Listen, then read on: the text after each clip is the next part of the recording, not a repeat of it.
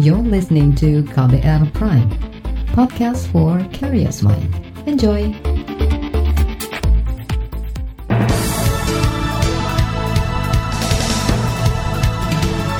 Selamat pagi saudara, senang sekali rasanya saya Reski Mesanto hadir kembali pagi hari ini di program Buletin Pagi edisi Jumat 2 Oktober 2020. Pagi hari ini tim redaksi KBR seperti biasa telah menyiapkan sejumlah informasi untuk Anda.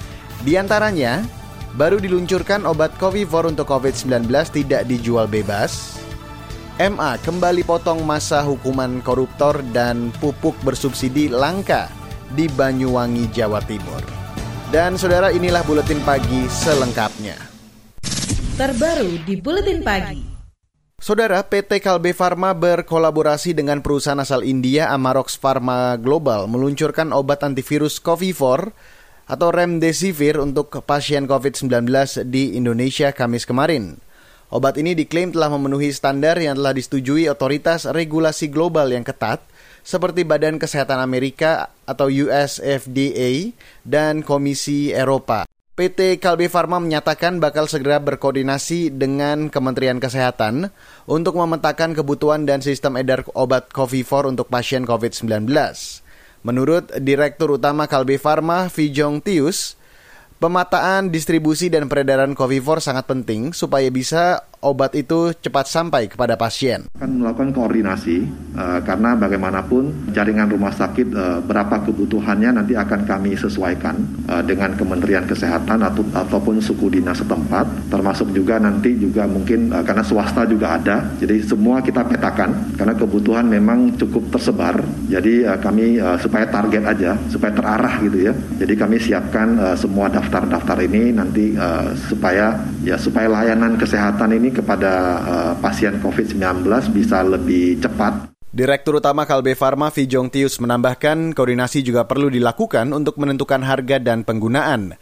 Karena obat Covivor termasuk obat keras yang hanya boleh diberikan pada pasien COVID berusia di atas 12 tahun dan memiliki berat di atas 40 kg. Harga obat suntik ini 3 juta rupiah per vial dan akan diupayakan supaya harga jualnya terjangkau. Vijong Tius menegaskan Convivor hanya akan didistribusikan ke rumah sakit saja.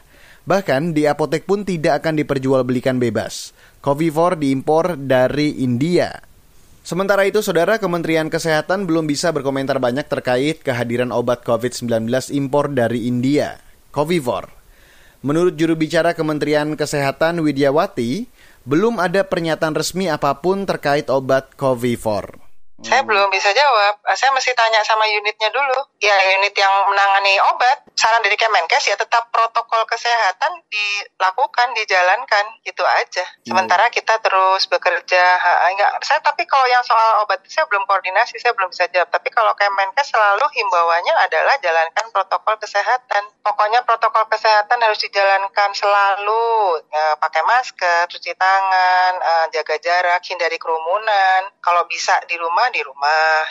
Itu tadi juru bicara Kementerian Kesehatan Widyawati.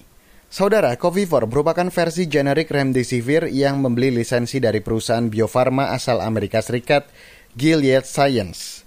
Dalam situs Gilead disebutkan, awalnya mengembangkan Remdesivir itu untuk mengatasi virus Ebola dan Marburg. Tapi uji coba terbatas pada penyakit infeksi saluran pernafasan MERS dan SARS menunjukkan Remdesivir dimungkinkan bisa mengobati pasien COVID-19. Sejumlah negara sudah menggunakan remdesivir untuk pengobatan pasien corona, misalnya di Amerika Serikat dan Korea Selatan. Penggunaannya diketahui hanya untuk pasien COVID-19 kondisi kritis atau pasien dengan saturasi oksigen di bawah 94. Saudara Kepala Badan POM Penny Lukito menyatakan obat Covivor sudah boleh beredar Dikutip dari mediaindonesia.com, Penny menjelaskan obat untuk penyembuhan pasien virus corona itu dipasarkan perusahaan swasta PT Kalbe Farma dengan importirnya PT Amarox Pharma Global anak perusahaan Hetero Corporate Industrial Estate yang berpusat di Hyderabad, India. Dokter spesialis paru di Rumah Sakit Persahabatan Jakarta, Erlina Burhan menyatakan, Remdesivir akan segera diuji cobakan secara bertahap – awalnya kepada 25 pasien COVID-19 di Rumah Sakit Persahabatan. Saudara, Organisasi Kesehatan Dunia atau WHO menyebutkan remdesivir termasuk satu dari empat jenis obat yang sedang diuji atas pengawasan WHO dalam program Solidarity Trial COVID-19. Penasehat senior Dirjen WHO, Dia Satyani Saminarsih, tidak membantah kalau remdesivir termasuk kategori obat yang dipertimbangkan untuk mengobati pasien COVID-19 Meski begitu, peredaran remdesivir sangat diatur dan tidak boleh dijual bebas. Iya, saya rasa uh, kalau kan itu kembali lagi ke regulator negara ya. Uh, jadi WHO kan sebenarnya hanya memberikan uh, himbauan bahwa obat-obat ini dengan list uh, yang yang bisa dipakai obat-obat mana saja. Nah itu yang dipakai kemudian oleh negara dan negara kemudian meregulitnya, mengeluarkan aturan untuk meregulit uh, peredaran obat tersebut. Penasihat senior Dirjen WHO Dian Satyani Saminarsi menjelaskan, remdesivir hanya boleh diberikan berdasarkan rekomendasi dokter atau ahli klinis. Karena itu dia mengingatkan perlu dibuat regulasi nasional terkait siapa yang berhak merekomendasikan penggunaan remdesivir dan siapa saja yang boleh mengkonsumsinya. Saudara, kemarin jumlah kasus positif COVID-19 di tanah air melebihi 4.100 orang, sehingga jumlah total kasus positif nasional melampaui 291 ribu orang. Jumlah pasien sembuh bertambah 3.540 orang dan menjadikan akumulasi pasien sembuh lebih dari 218 ribu orang. Kasus kematian akibat COVID-19 kemarin bertambah 116 orang. Dengan begitu, jumlah total pasien meninggal 10.800-an orang. Kita beralih ke berita dari mancanegara, Saudara. Kementerian Luar Negeri terus mengupayakan pembebasan empat warga negara Indonesia yang masih disandera kelompok militan Abu Sayyaf di Provinsi Sulu, Filipina. Menteri Luar Negeri Retno Marsudi kemarin menyatakan upaya pembebasan sandera dikoordinasikan bersama Angkatan Bersenjata Filipina. Selain itu, Retno juga menyampaikan berita duka cita terkait tewasnya seorang sandra WNI berinisial LB dalam kontak tembak antara militer Filipina dan kelompok Abu Sayyaf. Korban LB berasal dari Buton, Sulawesi Tenggara, dan jenazah korban sudah diterbangkan menggunakan pesawat militer dari Provinsi Sulu ke Zamboanga, Filipina. Saudara, pemotongan hukuman koruptor oleh MA. Informasinya akan kami hadirkan usai jeda. Tetaplah bersama kami di Buletin Pagi KBR. You're listening to KBR Pride, podcast for curious mind. Enjoy!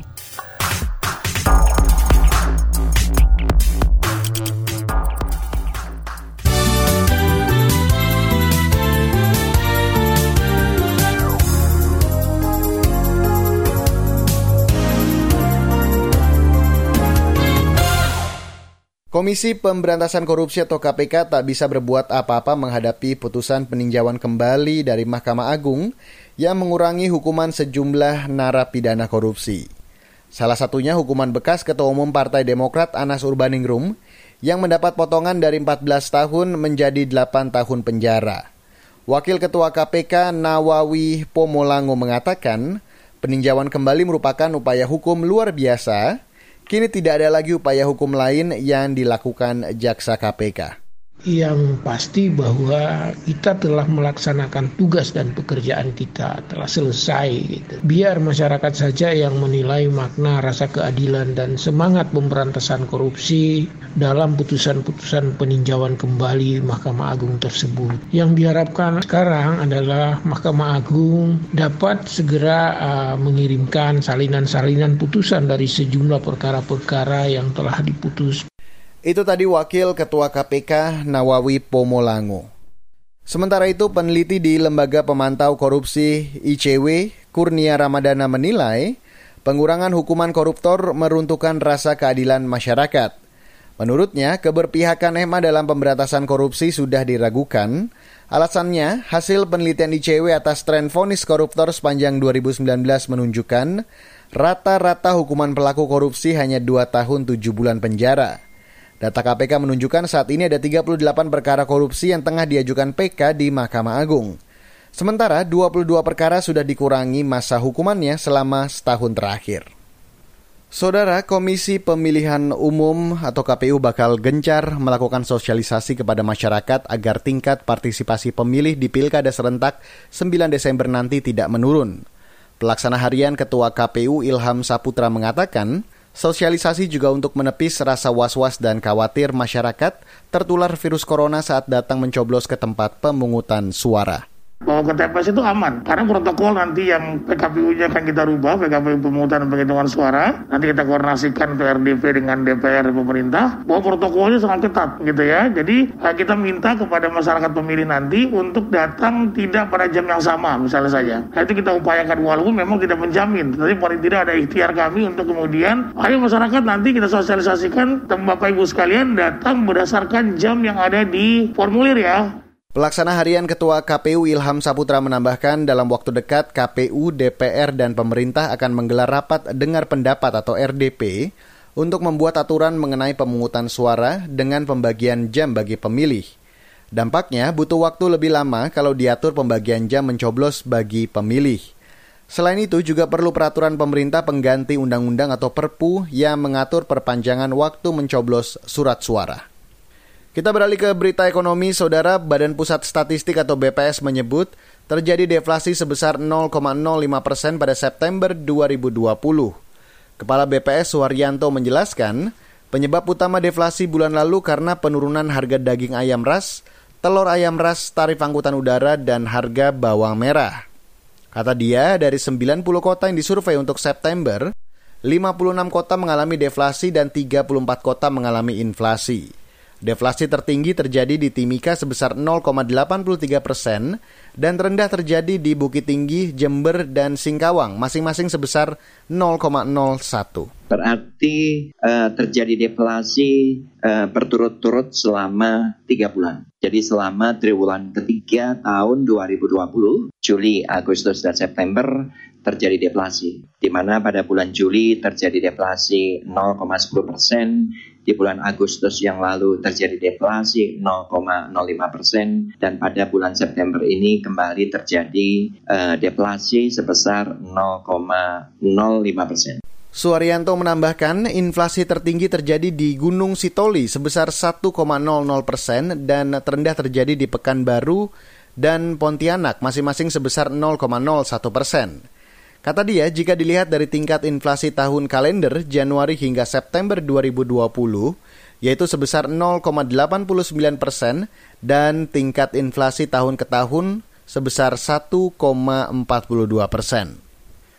Kita beralih ke berita olahraga, Saudara. Kepala Bidang Pembinaan dan Prestasi Persatuan Bulu Tangkis Seluruh Indonesia, Susi Susanti, mengapresiasi gagasan sistem gelembung atau bubble system yang rencananya akan diterapkan pada turnamen Seri Asia di Bangkok, Thailand, Januari tahun depan. Menurut Susi, sistem gelembung secara komprehensif bisa melindungi kesehatan dan keselamatan seluruh atlet, pelatih sekaligus official – Hal itu dikarenakan partisipan hanya akan berada dalam satu lingkungan tertentu bersama dengan orang-orang yang sama selama periode waktu 14 hari karantina. Saudara, laporan khas KBR bertajuk tes cepat antigen terobosan untuk perbanyak pemeriksaan akan kami hadirkan usai jeda. Tetaplah bersama kami di Buletin Pagi KBR. You're listening to KBR Pride, podcast for curious mind. Enjoy!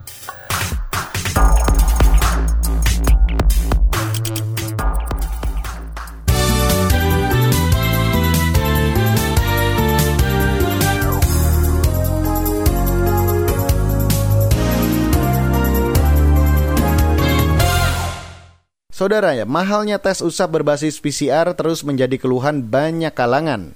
Sementara tes cepat antibodi sudah banyak diragukan akurasinya. Organisasi Kesehatan Dunia atau WHO baru-baru ini merekomendasikan tes cepat berbasis antigen sebagai alternatif terbatasnya tes PCR. Lantas seberapa efektif tes ini? Simak laporan tim KBR yang akan dibacakan Valda Kustarini. Akhir Agustus lalu, Dina menjalani persalinan lewat operasi sesar di salah satu rumah sakit di Jakarta Selatan. Sehari sebelumnya, ia dan suami harus melakukan tes usap berbasis PCR sesuai pedoman Kementerian Kesehatan. Biaya tes per orang dibanderol 1,7 juta rupiah oleh rumah sakit. Artinya, Dina dan suami harus menghabiskan 3,4 juta rupiah untuk tes usapnya saja. Hasilnya keluar sekitar setengah hari dengan status negatif. Cuma uh, nunggu hasilnya 24 jam paling cepat. Tapi karena udah dijadwalin mau operasi paginya, sedangkan itu kan waktu itu swabnya itu kita jam 9, sedangkan operasi mau jam 7 keesokan harinya, jadi lebih di-push gitu hasilnya jam 10 malam udah keluar hasilnya. Dina mengakui biaya tes menjadi pertimbangan dalam menentukan rumah sakit. Ia mengurungkan niat melahirkan di rumah sakit tujuan awal karena harga sekali tes usap lebih mahal. Kalau menurut aku memang kategorinya lumayan ya, karena kan memang kalau misalnya kayak rapid test itu kan hasilnya itu kan sebenarnya belum tentu akurat 100%. Sedangkan kalau misalnya mau swab itu biayanya lumayan besar. Kalau aku cek kayaknya itu juga lumayan termasuk murah sih dibandingkan rumah sakit-rumah sakit swasta lainnya. Keluhan mahalnya harga tes PCR ini sudah berbulan-bulan disuarakan berbagai kalangan. Satgas Penanganan COVID-19 hingga kini masih menghitung formula batas atas tes usap mandiri. Badan Pengawasan Keuangan dan Pembangunan BPKP sudah mengusulkan ke Satgas estimasi harga tes PCR sekitar Rp800.000. Namun beberapa hari lalu, Organisasi Kesehatan Dunia WHO menyetujui tes cepat antigen untuk screening COVID-19. Tes antigen berbiaya lebih murah dan hasilnya keluar dalam 15 hingga 30 menit. Sampel yang diambil berasal dari tenggorokan atau pangkal hidung seperti tes usap PCR. Juru bicara Satgas COVID-19, Wiku Adhisa Smito mengatakan, Indonesia akan memanfaatkan terobosan itu sesuai rekomendasi WHO dari WHO bahwa ada berbagai list dari RT-PCR termasuk rapid test antigen yang bisa menghasilkan tesnya dalam waktu beberapa menit. Tentunya alat ini bisa digunakan untuk di Indonesia sesuai dengan rekomendasi WHO agar bisa menggantikan rapid test antibody dan fungsi screening yang bisa dilakukan dengan rapid test tersebut menjadi lebih efektif Sekjen Perhimpunan Rumah Sakit Seluruh Indonesia, Persi, Lia Gardenia Partakusuma, tak sepakat dengan pernyataan Wiku bahwa tes cepat antigen untuk menggantikan tes cepat antibodi. Menurutnya, kedua tes memiliki kegunaan berbeda dalam proses screening.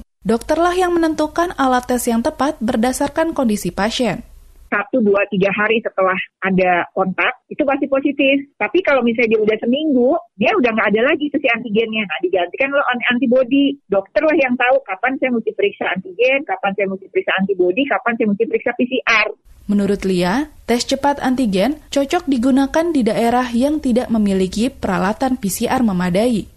Tetapi kalau misalnya di daerah yang nggak punya uh, pemeriksaan uh, eh, PCR, kita bisa pakai antigen. Jadi, jadi WHO udah menyadari bahwa kita nggak mungkin nih semuanya harus pakai PCR karena kan PCR mahal. Nah, jadi kalau misalnya kita mau paling konfirmasi ya kita pakai PCR.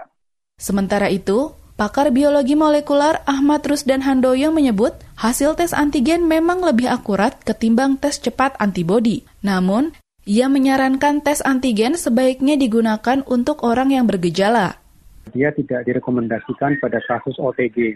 Apabila dia punya gejala, tes antigen bisa dipakai dan jangan terlalu lama setelah gejala. Jadi sekitar setelah lima hari lah. Lulusan Harvard Medical School Amerika ini mengingatkan jangan sampai alat tes antigen dijual bebas. Tes harus tetap dilakukan di fasilitas kesehatan supaya data pasien terekam. Selain itu, ia menekankan tes antigen tak bisa digunakan di bandara sebagai syarat perjalanan. Ini bukan kita bisa datang ke Indomaret atau Alfamart, saya mau beli dong tes rapid antigen. Jangan. Karena nanti data-data itu harus terkonsentrasi di pusat supaya jadi analisa. Kalau misalnya orang tes masing-masing kan otoritas nggak tahu di mana terjadi positif kan. Jadi juga masyarakat harus paham ya, ini bukan tes kayak tes kehamilan semua orang bebas beli gitu enggak. Lapak-lapak online segala macam itu harusnya nggak boleh dia jualan. Ahmad meminta pemerintah mengawasi ketat impor alat tes antigen. Hal itu untuk menjamin alat yang masuk memiliki tingkat akurasi sesuai rekomendasi WHO.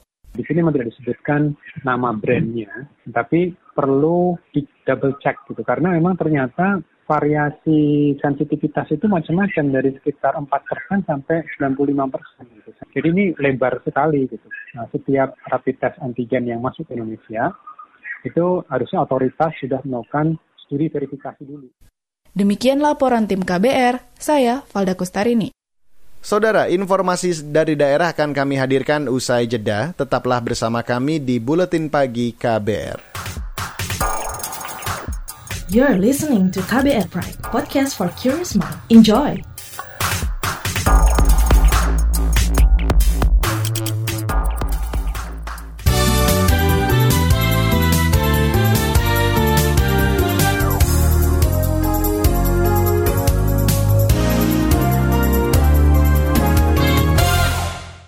Polisi kembali menangkap sejumlah pelaku penyerangan dan penganiayaan bermotif intoleransi di Solo, Jawa Tengah, Agustus lalu. Kapolresta Solo Ade Saftri Simanjuntak menjelaskan, pelaku bersembunyi di rumah kawannya yang ternyata terduga teroris di Jepara, Jawa Tengah. Keterkaitan antar keduanya kini sedang ditelusuri kepolisian.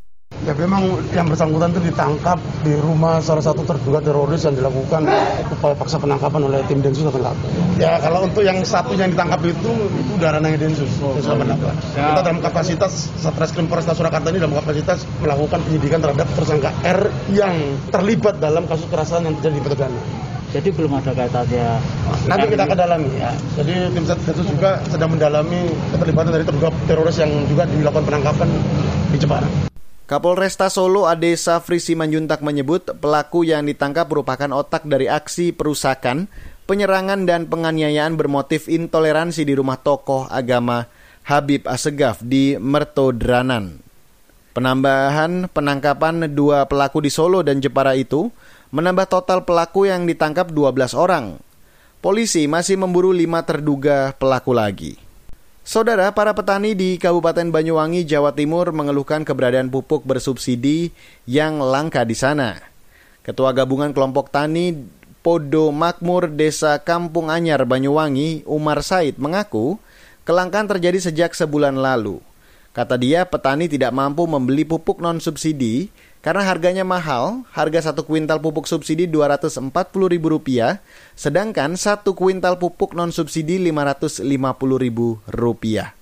Sekarang yang sudah tanam sudah umur 20 sampai 25 enggak, sampai hari ini tidak bisa mupuk. Akhirnya tanaman kurang subur. Mestinya sudah umur 10 hari sudah dipupuk kan. Yang ngurit itu kan juga ngurit itu tuh umur 10 hari juga perlu dipupuk.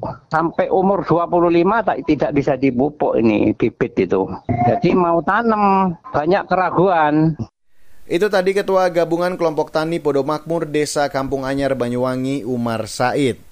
Sementara itu, menurut Kepala Dinas Pertanian dan Ketahanan Pangan Banyuwangi, Arif Setiawan, kelangkaan pupuk ini akibat kuota pupuk bersubsidi untuk Banyuwangi dikurangi 46% persen pada tahun ini. Jika tahun lalu Banyuwangi mendapat jatah lebih dari 61 ribu ton, tahun ini hanya 38 ribu ton.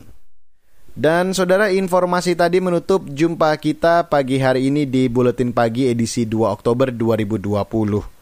Saya ajak Anda untuk memantau informasi terbaru setiap jamnya melalui kabar baru, melalui website kbr.id, Twitter kami at berita KBR, serta saya ajak Anda untuk mengunjungi news on demand kami melalui podcast di kbrprime.id atau tentunya di platform mendengarkan podcast lainnya.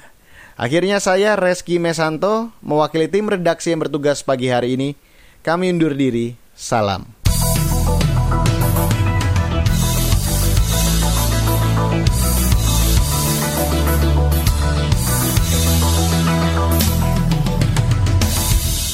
KBR Prime, cara asik mendengar berita. KBR Prime, podcast for curious mind.